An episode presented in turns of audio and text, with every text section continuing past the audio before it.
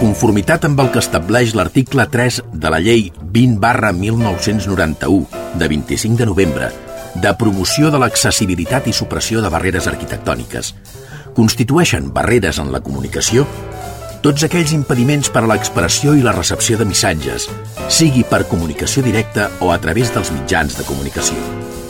És per això que, emparant-nos en aquesta llei, volem que cada ciutadà gaudeixi del seu propi espai per moure's, un espai sense censura. Un espai en què vosaltres sigueu els protagonistes. En definitiva, un espai per tothom. Benvinguts a Espai Vital.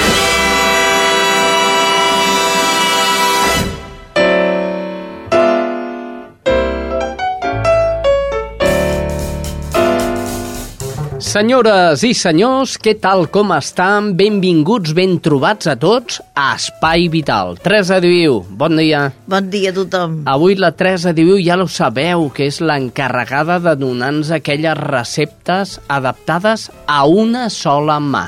Què ens portaràs avui? Mira, com que vam fer festa la setmana passada, Sí. Oh, festa, festa. Festa fotre, que estava jo malalt. sí, jo que també, Ah, doncs què?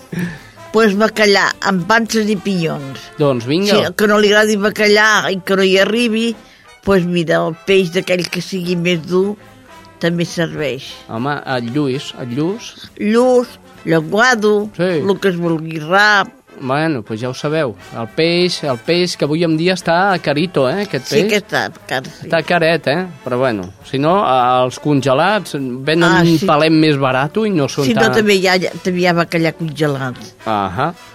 Doncs molt bé, senyores i senyors, amb 3, 2 o 1, comencem el programa d'avui.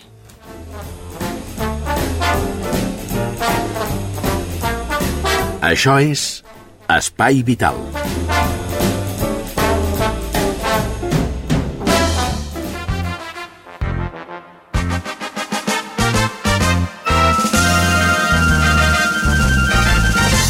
Había una vez un circo que alegraba siempre el corazón. Pallapupes és una associació sense ànim de lucre que treballa als hospitals i centres sociosanitaris per millorar la qualitat de vida dels infants i joves i ancians i malalts eh, que estan en un hospital. Per parlar d'aquesta associació sense ànim de lucre, tenim a l'altre costat de la línia telefònica, jo en diria el pallasso més gran. Ell es diu eh, Miquel Antoni Joan i és el portaveu d'aquesta associació. Miquel Antoni Joan, bon dia. Bon dia, Xavi. Molt bé, em sembla que ho hem definit bé, no? Sí, ho he definit perfecte. Molt bé, eh, sou com pallassos sense fronteres o, o com, com, com us definiríeu? El que més ens acosta a Pallassos sense fronteres és el nom. Però la veritat és que tenim una mica diferències. Ells treballen en cooperació fora de, del territori, mentre que nosaltres ens dediquem a Catalunya exclusivament a treballar dintre els hospitals i centres sociosanitaris i treballem a manera, també de manera professional. És a dir, tot el personal de Pallapupes són pallassos professionals que tenen formació artística però també mèdica i això és el que els hi permet, com comentàveu al principi, arribar a infants, a ancians i en espais tan complicats com pot ser fins i tot un quiròfan. Ah, sembla estrany que, que pallassos també... A veure, que pallassos actuïn en hospitals per a gent gran. Vull dir, la, la sectació que teniu als hospitals de la gent gran, qui, quina és? És increïble. No us ho podeu imaginar. I teniu raó que al principi tenim massa tabú de la idea del que és un pallasso. Ens pensem que el pallasso és el que fa pallassades, aquell que fa riure als altres, i el que no sabem és que el pallasso, de fet, el que realment és, és una persona eh, molt sensible, hipersensible, que té una facilitat per arribar a les persones i comunicar amb ells amb un llenguatge clar i directe, i és capaç de fins i tot parlar amb un infant de 5 anys i parlar-li de la seva malaltia de manera que l'infant l'entengui i no s'espanti, o pot agafar la gent gran, per exemple, i aconseguir insuflar-los vida, vitalitat, energia, en un moment en què aquelles persones que atén, per exemple, pallapupes, gent gran, són gent que es troba en clíniques, que poden arribar a estar en risc d'exclusió social perquè no tenen molt contacte ja amb familiars o amb amics, i la visita als pallapupes setmanal o dos cops per setmana és l'esdeveniment que més esperen, perquè això els hi retorna la força i els hi dona ganes de seguir endavant. Molt bé, formació important la que té eh, els pallassos de pallapupes, eh, l'artística, la mèdica i la psicològica. Exacte. Molt bé, quina és la faceta més important en un hospital per, per tenir una formació per la gent que heu d'atendre? Sobretot, el, el perfil de Pallapupes és un personatge ben curiós, perquè es mescla molt una part personal, eh, altruista, i una part, sobretot, professional.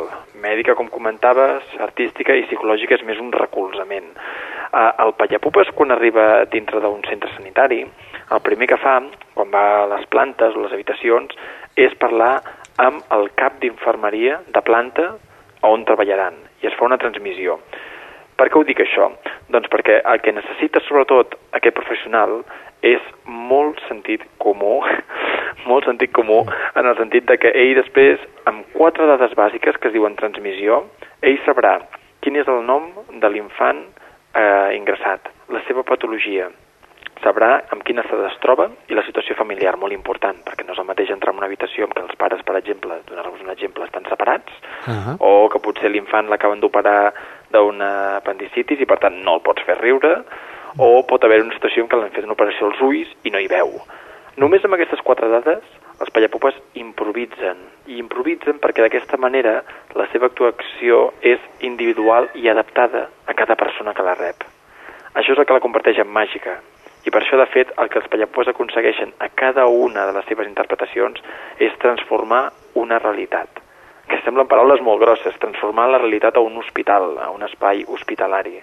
I això s'aconsegueix amb el joc, amb el riure i amb aquesta comu- comunicació i connexió que té el llenguatge del clown, del pallasso. Molt bé, però em sembla que pallapupes no només actueu als hospitals, sinó que feu actuacions pròpies també, no? Bé, de fet, la nostra tasca es centra en els hospitals, però sí que és veritat de que tenim alguns esdeveniments externs que ens ajuden una mica a guanyar sensibili- sensibilització de la feina que fem i també una mica a comunicar el per què és tan necessari per tothom, tant pels infants o les persones ingressades, els familiars o fins i tot l'equip mèdic, que Pallapupes estigui en hospital. Aquestes actuacions eh, doncs, es concreten, amb, per exemple, l'any passat en dos grans esdeveniments. Un dia de nassos, que va ser un acte que es va fer a diferents espais d'oci de Catalunya, o músics amb nassos, amb què diferents grups com els Amics de les Arts, eh, els Pets Mishima, Love Lesbian, es van posar un nas vermell solidàriament per poder col·laborar amb Pallapupes i amb la gent a qui arribem. Ah que eh, l'ajuda l'ajuda que vosaltres rebeu per ajudar a la gent pot ser, eh, per entendre's, qualsevol persona pot entrar a Pallapupes per fer de pallasso? Uh, és el, nosaltres, per, per la gent que vulgui entrar de pallasso, ha de passar un càsting. A dir, són persones que han de tindre formació artística, haver fet la carrera d'art dramàtic en molts dels casos, potser no, però això es decideix a través d'un càsting. Càsting que es fan constantment durant l'any. Actualment Pallapupes està a 16 hospitals ja de Catalunya i són quasi bé més de 50.000 persones ingressades a qui arribem anualment. Llavors, estem d'aquests hospitals estem molt contents, però la intenció és arribar a tots els de Catalunya, perquè realment no hi hagi ningú centre que no tingui aquest servei que ajuda a humanitzar la salut. Tinc jo el paper de, de, de la vostra web de Pallapupes i hi ha una pregunta que a mi em copsa molt, no? Que és, eh, també entreu eh, al quiròfan vosaltres? Doncs sí, doncs sí, sembla una mica complicat al principi pensar que un pallasso estigui dintre un quiròfan, però sí, el programa del quiròfan es va iniciar fa sis anys i es realitza abans, durant i després d'una intervenció quirúrgica. Us ho exemplifico amb, amb, amb, de manera visual que serà molt més fàcil. Arriba l'infant amb la seva família al quiròfan, per exemple, de l'Hospital Sant Joan de Déu, que és un d'ells, o l'Hospital Altalla de Manresa, on també estem al quiròfan. Arriben angoixats, sobretot perquè qualsevol pare que tingui el seu infant que ha de passar per una, per una intervenció quirúrgica està angoixat. I quan els pares estan angoixats, l'infant s'angoixa. Mentre que si l'infant es relaxa a través del joc amb els pallapupes, que és el que treballem nosaltres, les emocions, els pares ja no estan angoixats, estan molt més tranquils, i en aquest clima positiu, l'equip mèdic, els doctors, amb qui pallapupes treballen juntament, pot treballar molt millor. perquè us podeu imaginar que al cap de, de cirurgia o d'anestèsia ell no és un especialista en calmar un infant que en, en un moment donat entra a la sala d'operacions i està molt nerviós. Però com ho aconsegueixen els pallapupes? Doncs quan parlem de transformar la realitat, el que estem intentant explicar és que ells, per exemple, i pot ser improvisació, us dic només un exemple, ells el que agafaran és a, a l'infant i potser li faran veure, mentre es prepara a la sala d'espera, que dintre una estona entraran junts en una sala molt estranya, que és una nau espacial, que és el quiròfan, on hi haurà tots uns tortugues ninjas vestits de verd, doctors i infermeres, i on tots plegats hauran de bufar inflar un globus molt important que els farà despegar. I aquest globus és el globus de l'anestèsia, que normalment els hi provoca molt d'estrès als infants. Uh -huh. Però a través d'aquest joc, l'infant, quan el criden per entrar dintre del quiròfan, la majoria de vegades s'oblida de despedir-se dels pares, perquè s'agafa de la mà dels pallapupes i se'n va tan feliç i tan content que els pares no s'ho creuen, perquè per ell ja està dintre un joc i l'operació serà un joc. Realment important la tasca que feu, eh? Escolta'm, mm, si per exemple jo vull col·laborar amb vosaltres perquè sou una entitat sense ànim de lucre i d'alguna manera de sortir els diners d'aquesta associació, llavors, eh, quines són els vostres fons d'ingressos? Vosaltres cobreu per fer això que esteu fent? Eh, explica'm una mica el vostre finançament. Pallapupes, quan entra a un hospital, el que fa és negociar amb l'hospital com s'aconseguiran aquests diners. L'hospital no posa res, els pacients, les persones ingressades no posen tampoc cap diners, sinó que l'hospital busca pel seu compte finançament privat i Pallapupes busca finançament públic i privat. El que sí que estem intentant és que aquest servei que ajuda a humanitzar la salut, Pallapupes, i la salut és cosa de tots, la puguem mantindre i conservar en aquestes èpoques complicades entre tots. És a dir, aconseguir que tant socis i donants creixin per poder donar independència financera al projecte Pallapupes. Què busquem? Busquem gent amb nassos. busquem socis de nassos, persones que creguin amb la humanització de la salut, amb que les persones no són pacients, sinó persones dintre l'hospital, que un infant quan entra a un hospital pugui seguir jugant tot i estar dintre aquest hospital per setmanes, mesos i fins i tot anys, que són els casos més habituals amb qui tractem. Anem als pacients més, a les persones més, més complicades. I una persona, un soci de nassos o un donant de somriures que li diem, és aquella persona que pot fer una contribució des d'un euro a la setmana, tan poca cosa farem molta, ja aconseguirem molt, perquè aquesta suma de petites col·laboracions són la que ens fan gran i ho poden dur a terme a través de la pàgina web de Pallapupes, que és www pallapupes, tot a mà, pallapupes.org o trucant-nos al telèfon 93 345 59 13. Molt bé, la, la pregunta que vindria ara és la que t'hauria d'haver fet al començament de l'entrevista. Per què pallapupes i no pallapupites? O, o què vol dir això?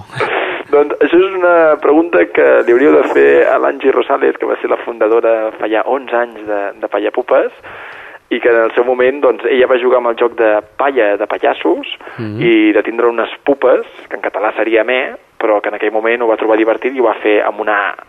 De fet, eh, Pallapupes en aquell moment va col·laborar amb el Xavier Mariscal, aquí a Barcelona, que ens va fer un cop de mà a crear el logotip i altres coses, altruísticament, i van trobar que tenia més ganxo i era més divertit el Pallapupes. I així s'ha quedat, tot i que moltes vegades porta confusió i jocs divertits de paraules. Miguel, eh, qualsevol persona pot demanar la, la vostra col·laboració? Completament. Nosaltres quan estem a l'hospital en principi estem centrats a, a unes certes àrees, però els pallapupes, si se'ls demana, van on hagin d'anar. Per exemple, a l'hospital de dia d'oncologia, que és on hi ha els infants que, per exemple, tenen leucèmia i que han de fer tractaments setmanalment durant molt de temps, uh mhm. -huh. les infermeres tenen el telèfon dels pallapupes i quan hi ha una cura que pot ser eh, bastant dolorosa i que, que pot comportar una mica de moment traumàtic pel sí. petit, per l'infant, llavors elles truquen directament als pallapupes i estiguin on estiguin a l'hospital, ells corren allà perquè saben que amb la presència dels pallapupes aquell moment dolorós serà menys traumàtic passarà molt més, de manera molt més clara i també facilita la feina al professional mèdic. I en altres ocasions també hem entrat amb, amb persones que no són ni gent gran ni que són infants, sinó que són persones adultes normals i que han demanat, si plau la presència d'aquest eh, suport emocional a l'hora de fer una operació. Doncs molt bé, Miquel Antoni Joan, portaveu de, pa de Pallapupes. Espero no haver de mm, requerir que vingui Pallapupes a l'hospital a veure'm a mi. Esperem que no, però tant de bo que si algun dia algú hi passés, els Sí. trobi, perquè facilita l'estada. Home, molt bé. La Teresa Diviu és la nostra cuinera adaptada, que la Ah. tenim també aquí amb nosaltres. Ella pateix un ictus. Eh, eh, se li ha parat, diguem, que tot el cos. Eh, Teresa, hola. Hola, bon dia. Oh, eh. No, feu una tasca molt bona. Gràcies. Per les persones que són grans i canalla, jo, mira, estic malament, però tu saps el que ve que em va anar a enronar amb la gent gran que està sola allà en un banc, que no tenen a ningú, els explico qualsevol tonteria, qualsevol cosa, i una mica de risa els hi dones, pues almenys et sents més bé. Completament. Tens tota la raó, Teresa, que moltes vegades quan, quan afrontem una situació complicada o dolorosa amb un estat positiu d'ànim, ens millorem més ràpid. Sí, no, no, és molt maco, perquè donar el bé per algú de gent. Molt bé, li posarem un nas de pallasso a la Teresa Oh, jo sí, mira, que ja Per- m'ho posaria. perquè vagi a fer de pallapupes amb les teves amigues. Pues i tant que sí. Eh, les que esteu assentadetes al sol i, sí, sí, sí, sí, xerreu no, no. totes, eh? Ui, Molt bé, Miquel Antoni Joan, portaveu de Pallapupes, gràcies per atendre els micròfons d'Espai Vital i molts ànims per seguir fent tot allò que esteu fent, donar alegria als infants, als grans i als malalts. Eh? Molt bé, Xavi, moltíssimes gràcies a vosaltres pel vostre recolzament i pel vostre temps. Molt bé, adeu-siau. Adéu-siau.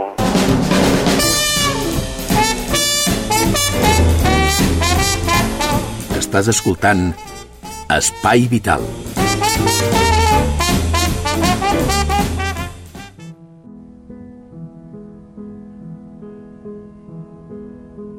Cada día, a la misma hora, comienza el ritual que pretende hacerme inmortal. Algunos lo llaman esperanza de vida, otros prefieren hablar de milagros. Yo creo que todo eso son cuentos y que es solo cuestión de suerte. Para mí la vida se resume en un montón de colores. La verde para el azúcar, la azul para la tensión, que la tengo por las nubes. La amarilla. ¿La amarilla para qué era? La del hierro. Pues sabe a azufre. Y la blanca. Esta es la más importante, la que tomo para ayudar a los que no tienen pastillas para curarse. Yo le digo a mi nieto que lo que me está curando es esta pastillita y él me mira como si estuviera loco y me dice imposible. Pero eso es lo bueno de tener años, que uno puede creer ya en lo que le dé la gana.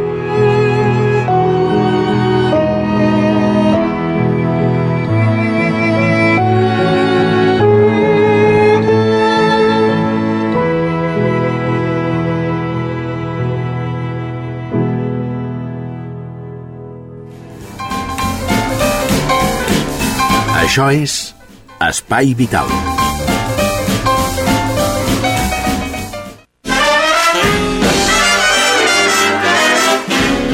Doncs som-hi, sintonia, roda informativa, Teresa.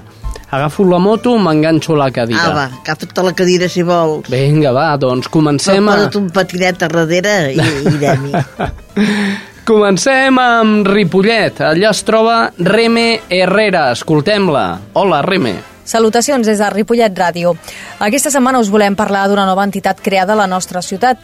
Es tracta de l'Associació de Persones amb Discapacitat de Ripollet, APADIR, una entitat social sense ànim de lucre creada per un grup de pares i mares amb un interès comú pel món del discapacitat. Aquesta vol crear espais que permetin a les persones, independentment del seu origen, capacitats o condicions socioeconòmiques, desenvolupar-se de manera lliure. A més, es pretén aconseguir que els principis d'igualtat d'oportunitats, integració i normalització siguin una realitat en el seu dia a dia. Tot i que des de l'entitat es volen realitzar molts projectes, actualment es treballa per assolir tres objectius bàsics. Es tracta d'oferir un casal d'acord amb les circumstàncies dels participants, garantir un servei sòlid i continu per a l'atenció dels joves amb necessitats educatives especials i potenciar les activitats conjuntes amb el teixit social de Ripollet. Per a sol·licitar més informació només cal adreçar-se a la seu de Padir, al carrer de Maragall, número 7. I això és tot per avui, fins la setmana vinent. Gràcies, Reme Herrera. Anem cap a Barberà. Allà es troba la Judit González. Salutacions des de Ràdio Barberà. Durant el darrer cap de setmana, la Junta Local de Barberà del Vallès de l'Associació Espanyola contra el Càncer va instal·lar diverses paradetes per la ciutat per tal de recollir fons per col·laborar i continuar lluitant contra la malaltia. Les parades es van poder trobar el divendres dia 29, el dissabte dia 30 i el diumenge 1 de maig a la plaça de la Vila, al Mercat Municipal 11 de setembre i al Centre Comercial Baricentro. La Junta Local de Barberà organitza cada any aquesta col·lecta amb l'objectiu de recollir fons destinats al desenvolupament de programes d'ajuda psicològica i de suport als malalts de càncer i familiars, així com a la investigació de la malaltia, entre altres activitats, en treball amb l'Associació Espanyola contra el Càncer. Des de Barberà és tot, fins la setmana vinent. Gràcies, Judit González. Des de Ràdio Barberà anem cap a Ràdio Moncada. Allà es troba la Sílvia Díaz. Hola, salutacions des de Montcada, l'Espai Vital. Al nostre municipi han començat ja les seccions per reclamar que no es produeixin retallades a la sanitat pública, les anunciades pel conseller de Salut, Boi Ruiz, amb l'objectiu de disminuir-ne la despesa. La Federació d'Associacions de Veïns de Montcada i Reixac, la FAMIR, ha començat a recollir signatures per reivindicar que la sanitat continuï sent pública, gratuïta i de qualitat, que l'atenció a qualsevol problema de salut ha de ser independent del nivell econòmic de cada persona i que no es pot veure afectada en, per cap mena de retalls. La FAMIR exigeix que es destini a la sanitat pública els diners necessaris per tal que es pugui donar una assistència universal i de qualitat que en cap cas es doni la gestió de la salut a entitats amb ànim de lucre, ja que el seu parer, sanitat i negoci, són incompatibles. També se sol·licita que no hi hagi més retallades de persones i de serveis, que no es promogui la contractació de mutues privades. A més, altres entitats locals, com el grup de Medi Ambient, també han mostrat el seu desacord amb les retallades anunciades pel govern de la Generalitat i l'entitat de malalts mentals Cemoriva, que ten Montcada, Cerdanyola, Ripollet i Badia, s'ha afegit a un manifest en defensa de la destinació destinació de recursos a la salut mental i també en contra de l'anunciada disminució de recursos en aquest àmbit. Doncs bé, això és tot. Fins la setmana vinent. Gràcies, Sílvia Díaz, des de Montcada Ràdio i d'una punta a l'altra. Santa Perpètua de la Moguda. Allà es troba Estrella Núñez. Hola, salutacions des de Santa Perpètua. L'Ajuntament de Santa Perpètua de Mogoda va presentar el 27 d'abril el Consell Municipal de Benestar i Salut, que es constituirà després de les eleccions municipals del 22 de maig. La reunió informativa va servir per explicar quin serà el procés per endegar el Consell i com escollir les persones que hi poden formar part. L'acte es va celebrar a la sala de plens i va estar presidit per la tinent d'alcalde de l'àrea de serveis personals, Rosa Rovira. El Consell té caràcter consultiu i l'objectiu de fer possible la participació de la ciutadania i de les entitats que realitzen activitats i presten serveis en l'àmbit de la salut pública i els serveis socials. Entre les funcions del nou organisme figura realitzar plans d'actuació municipals que millorin els serveis socials i sanitaris i proposar programes per a les regidories de benestar i de salut. El Consell és obert totes les persones que estiguin interessades i que d'alguna forma tinguin vinculació o interès per aspectes relacionats amb el benestar social i la salut. L'Ajuntament de Santa Perpètua ha presentat el Consell Municipal de Benestar i Salut que es constituirà després de les eleccions municipals del 22 de maig. De moment, això és tot des de Santa Perpètua. Fins la setmana vinent. Gràcies, Estrella Núñez. I per últim, ves frenant la cadira de rodes. Sí, anem fent. Eh? Anem Sí. cap a Sabadell. Eh? Eh. Posem-nos tiesos, eh? que és Sabadell. Atenció a la crònica de Karen Madrid. Salutacions des de Sabadell. El projecte Art a quatre mans de l'Associació Salut Mental Sabadell ja està donant els seus fruits. Una vintena de persones afectades per malalties mentals han treballat en els últims mesos amb diversos artistes de la ciutat per realitzar les seves obres, des de pintures, collage i fotografies, passant per composicions musicals, cant o escriptura, que en breu seran exposades al públic general.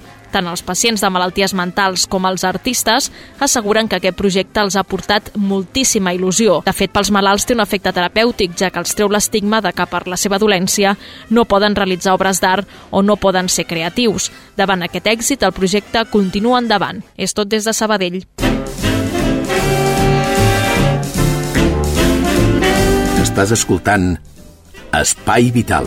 I com ja heu sentit, des de Cerdanyola, Ripollet, Montcada, Barberà, Santa Perpètua i Sabadell. Ara el que toca és parlar de l'Escola del Benestar. És de recent creació i s'ha fet a Montcada, a la ciutat de Montcada. De fet, la periodista de Montcada Ràdio, Sílvia Díaz, ha realitzat aquesta entrevista. L'Escola del Benestar és una nova entitat que s'ha creat a Montcada i Reixac que, en opinió de les seves fundadores, és un espai de convivència i assessorament lliure de tòxics, adreçat a les persones afectades per malalties ambientals especialment. Els centres es troben en una fase inicial i el seu objectiu és oferir tota una sèrie de serveis i activitats dels quals en parla tot seguit una de les seves promotores, la moncadenca Judit Marquès. Hola, Judit, què tal? Uh, hola, què tal? Bé, gràcies. Molt bé, Judit, com neix aquesta Escola del Benestar?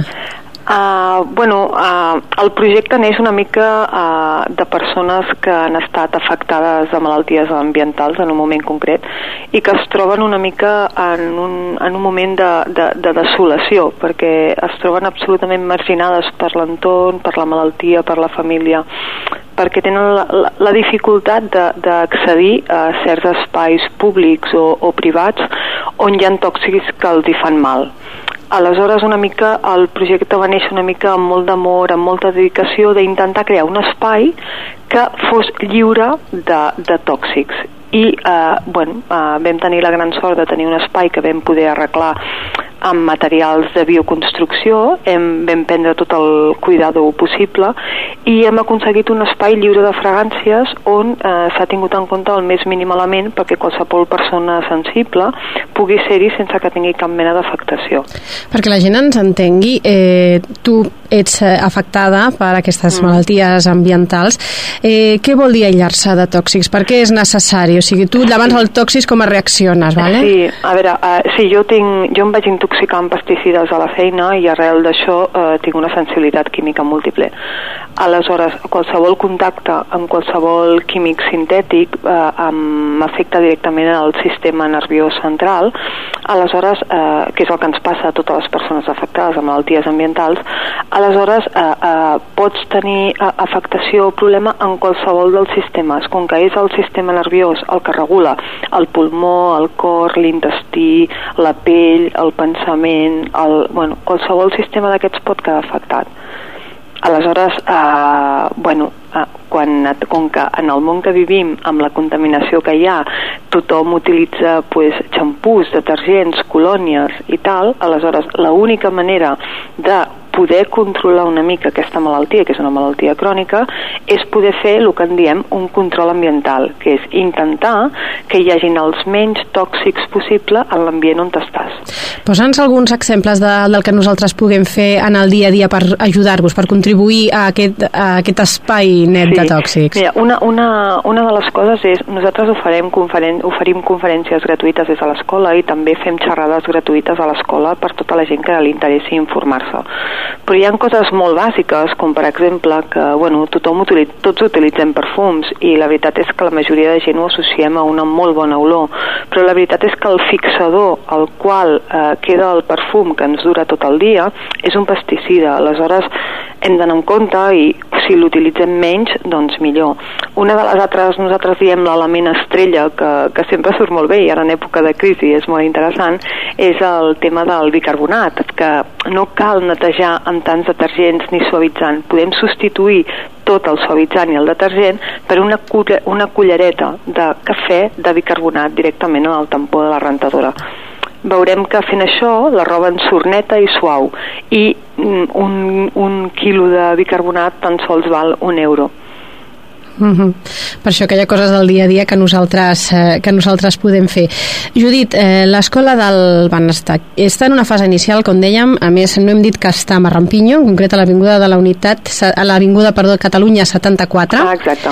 I bé, doncs, quines activitats voleu fer? Què, què hi haurà allà dins? A veure, no? bàsicament l'objectiu és uh, l'educació i la conscienciació de, de les persones que ens arriben, tant siguin persones afectades com persones sanes. Vull dir, el que intentem és obrir un món eh, marcant unes pautes bàsiques perquè les persones en general puguin millorar la seva qualitat de vida. Una, per prevenir les que encara estan sanes i l'altra per millorar eh, la trajectòria de les que ja estan afectades i puguin realment incorporar-se a una vida social o normalitzar una mica la situació de malaltia. Aleshores, amb això fem diverses, diverses tasques. Una, ja et dic, són fent xerrades i cursos per explicar exactament com es pot fer aquest control ambiental. Uh, està dirigit, ja et dic, a persones sanes i persones afectades, les dues. Uh, una de les altres coses que fem són xarles uh, legals, ve un expert, uh, un advocat expert amb aquest tipus de patologies i un cop al mes ens explica doncs, coses bàsiques que ens interessen a tots com jo que sé, la reforma de les pensions eh, el tema d'una invalidesa quan, mm, quan un agafa una baixa què passa bueno, llavors hi ha un espai on eh, hi ha una xerrada d'una hora i llavors hi ha una part de fòrum on la gent pot fer preguntes de tot tipus Perdó. Mm. Aleshores, eh, fem un altre tipus d'activitats també. Hi ha una part de cuina-menjador on totes les persones que vinguin a fer activitats poden usar eh, sobretot, eh, bueno, pues això, com, com es poden quedar a dinar, poden, es poden quedar a berenar, ho poden fer servir com per fer xerrades o fins i tot pues, per jugar al parxís. Diguéssim que seria un espai d'oci. El tema està en que la majoria de vegades nosaltres no podem accedir a certs metges o, o certs professionals de la salut perquè quan anem a, a la saleta d'espera eh, pues ens trobem que tothom va perfumat o han posat un ambientador o han netejat amb l'eixiu o qualsevol cosa d'aquestes. Llavors la idea és de poder connectar i poder portar aquests professionals en aquest espai net i que la gent ho tingui més fàcil. Aleshores, quan algú ve a accedir a algun d'aquests serveis professionals, pues que pugui tenir aquest espai de descans, de, de poder beure un got d'aigua o poder seure. No?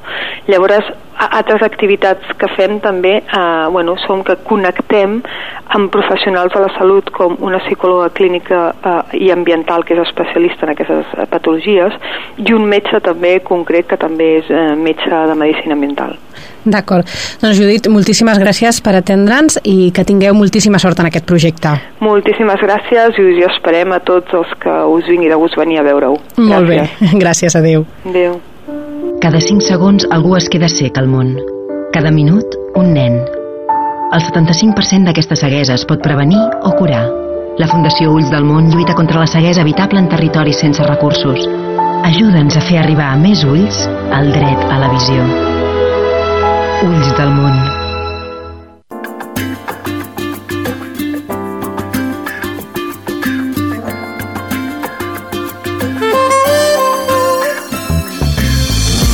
Avui a l'Espai Vital volem parlar d'associacions que treballen per persones amb discapacitat i amb persones amb discapacitat. És el cas d'una associació afincada a Sant Cugat. Aquesta associació es diu ASDI i al telèfon, a l'altre costat de la línia telefònica, tenim a la seva directora, la Begoña Vinyallonga. Eh, Begoña, bon dia. Hola, bon dia, què tal? Begoña, a veure, eh, sou mm, una associació que treballeu per persones amb discapacitat intel·lectual. Eh, uh -huh. Què és el que feu? Quina és la vostra tasca? Bueno, des d'ASDI tenim diferents serveis, ¿vale? Un és un centre ocupacional per les persones que ja han acabat l'etapa escolar, un altre és tot el tema de lleure, d'oci, i un altre una secció esportiva. Llavors, bueno, dintre de cadascuna doncs, tenim molts serveis, no? Eh, per exemple, que potser que és el que ens interessa, que és el lleure, doncs en el lleure tenim tallers, tenim dissabtes, piscina, i una de les activitats que s'organitza és la discoteca Boca l'últim diumenge de cada mes. Molt bé, aquí volia arribar. Eh, surt una notícia, Boca, La Caixa i ASDI renoven el conveni perquè la discoteca per persones amb discapacitat intel·lectual tinguin continuïtat durant tot l'any 2011. Exacte. Bé, eh, per mi és notícia eh, curiosa, per vosaltres segur que no. Eh, com va néixer la idea de eh, fer partíceps als nanos que teniu a l'associació de, de la discoteca? Mhm. -huh. Mira, uh, dintre de l'Ajuntament de Sant Cugat s'organitzen taules vale? en les que les diferents entitats participem. I llavors hi ha la, la taula per persones amb discapacitat. I des d'allà mm, va sorgir la idea de fer, eh, bueno, de muntar una discoteca per ells. Llavors es va fer dos proves pilots que les van fer, o sigui, vam crear una discoteca dintre del casal de joves de Torreblanca i a partir d'ahir que la, eh, la discoteca Boca va tindre notícies d'això, es va proposar de fer-la en, en la seva discoteca.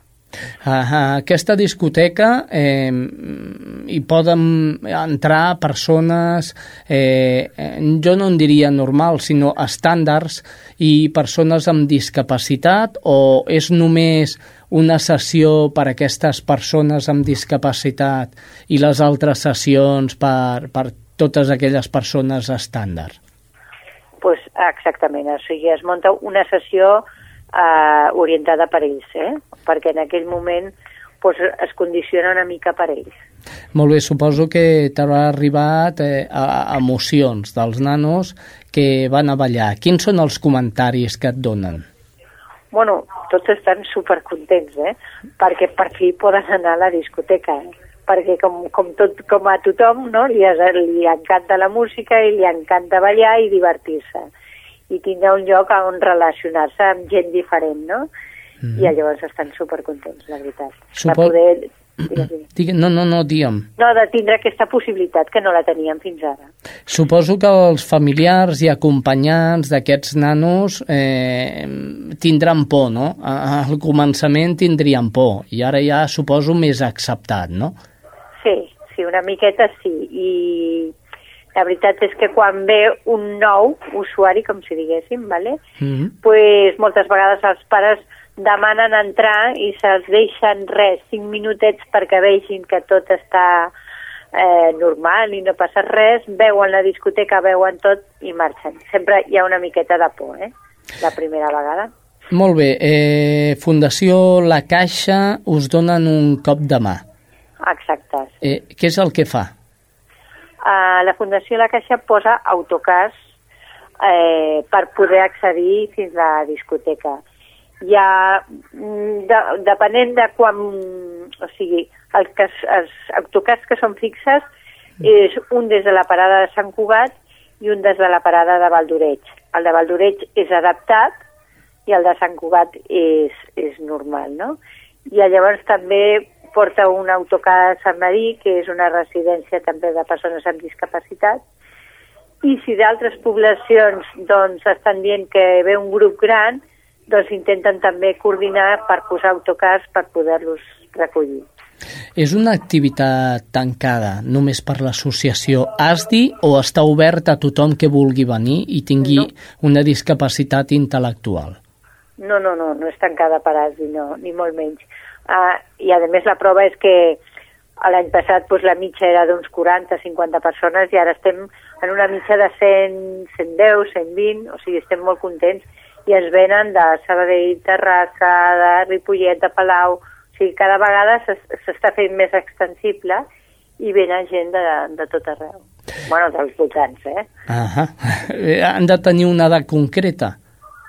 Mm, no, en això no l'hem limitat, però normalment són jovent, no? O sigui, entre 18 cap endavant. Ah Suposo que tindran unes característiques especials la sessió d'aquests nanos, no?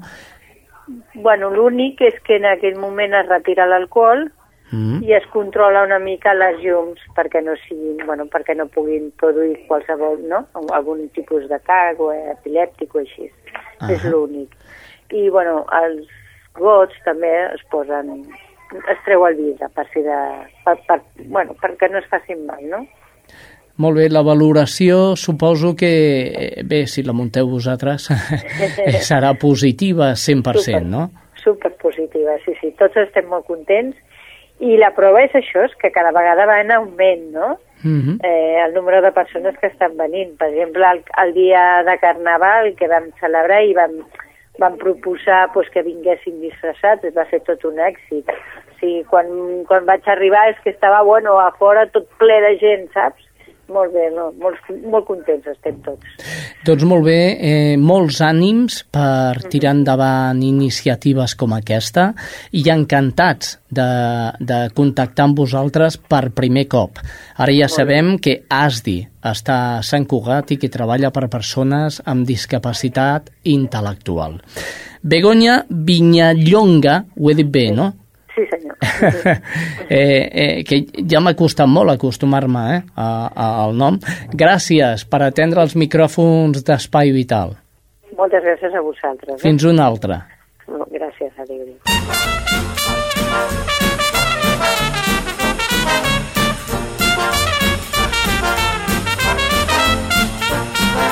Espai Vital. Ja finalitzant el programa, però no abans sense la cuina. Veus, ja sona la Tu sintonia. ja vols menjar. Ah, jo ràpidament. A part, a mi el bacallà no m'agrada, però bueno, pots ja. fer altra cosa, llenguado... Ja, ja m'has... No, però tu fes la recepta que toca Jo faig i, la recepta, ja i- que l'he portat a la palla. i ja la canviarem. Avui què tenim, Teresa? Què m'ho has dit? Ah, bacallà amb no bacallà amb panses i pinyons. sé què. Molt bé. Ingredients. Ingredients, va, Aquí apunteu. posa un quilo de bacallà. Hola. Bueno, vosaltres mateixos el que necessiteu. Ahà. Una ceba grossa. Si no la podeu ratllar, ja sabeu que al mercat ha d'aquella congelada ja ratllada. Ahà. Així no. Dos tomàquets madurs, ratllats. Farina. Sal. Oli i aigua. Doncs au, aquí ho teniu, els ingredients. Ah, bueno, i un grapat de panses, un grapat de pinyons i un grapat d'ametlles. Bueno, jo veus, no volia parlar, però dic, ara quan arribi diré, ei, on són les ametlles i els... Molt bé, ingredients per bacallà amb panses i pinyons. Escolteu, mm, el peix, no, a mi no m'agrada molt aquest, però hi ha altres peixos que després Sí, ja, ja, ja explicarem que Vosaltres- pots substituir, eh? Això mateix, podeu substituir per altre peix. Si pot ser lluç, lluç. Au, I si no, rap, rap. rap, bueno, pues rap. O llenguado, també, Mhm. a trossets. Bueno, quan tingueu el peix o el bacallà escorregut, el passeu per farina, l'enfarineu. Molt bé. Poseu una paella al foc amb oli Mm. i el fregiu un minut per cada cantó i el poseu a part, en un plat, el poseu allà a part. En aquell oli hi fregiu la ceba. Com teniu la ceba una mica enrossida i tireu el tomàquet ratllat allà i feu un sofregit. Com veieu que ja el sofregit ja està fet, i tireu un got d'aigua. I allà hi tireu el got d'aigua en el sofregit, eh? I tireu els pinyons, el grapat de pinyons i un grapat de panses. Ahà. I poseu el bacallà allà a dintre Sí. i deixeu que faci xup-xup 3 o 4 minuts. Doncs deixem que faci xup, xup, xup, xup, xup, xup. Com el temps a la ràdio és Sí. eh, molt curt, aquest, aquests han estat 3 o 4 minuts. Bueno, fem una picada amb les ametlles Sí, i les tirem allà triturades, picades, allà aquell, aquell sofregit allà que faig el xup-xup amb, amb tot allà, aquella, aquelles ametlles ben picadetes. ahà. Si no les podeu picar, doncs hasta n'hi ha d'aquelles que estan volgudes en el mercat i mira que feu dues cullerades, cullerades, sé dir, d'aquelles les ametlles picades allà, allò, pol, amb pols allà, I les escampeu per sobre. per sobre, sí. Molt bé. D'això que faci un xup-xup, 3 o 4 minuts, ja teniu un bon dinar amb les panses i pinyons i bacallà i, i tot. Molt bé, bacallà amb panses i pinyons. Arribat a aquest punt, Teresa, eh, no sé si estaràs d'acord amb mi, ara fa res, ara fa res, avui, per exemple, és el dia de la gravació, és el dia 29 d'abril i d'aquí a dos dies serà el dia 1 de maig, el dia de la mare. Sí, Penso que hauríem de dedicar, una cançó. oi que sí? I tant, pobretes mares. Jo no sé si l'heu sentit vosaltres, de fet, ha actuat a la Festa Major de Cerdanyola. Ell es diu Ramon Sauló, ell és cantant, cantautor i té un tema que es diu Mare, qui és molt maco. L'escoltarem. L'escoltarem, no? Doncs molt bé, a la meva mare, a la teva mare, a la mare de tothom, aquí ve Ramon Sauló, la mare. El Jordi Puy, el control tècnic, la Teresa Diviu, mm, remenant cassoles, i el Xavi Casas. Amb vosaltres fins la setmana vinent. Apa, adeu-siau.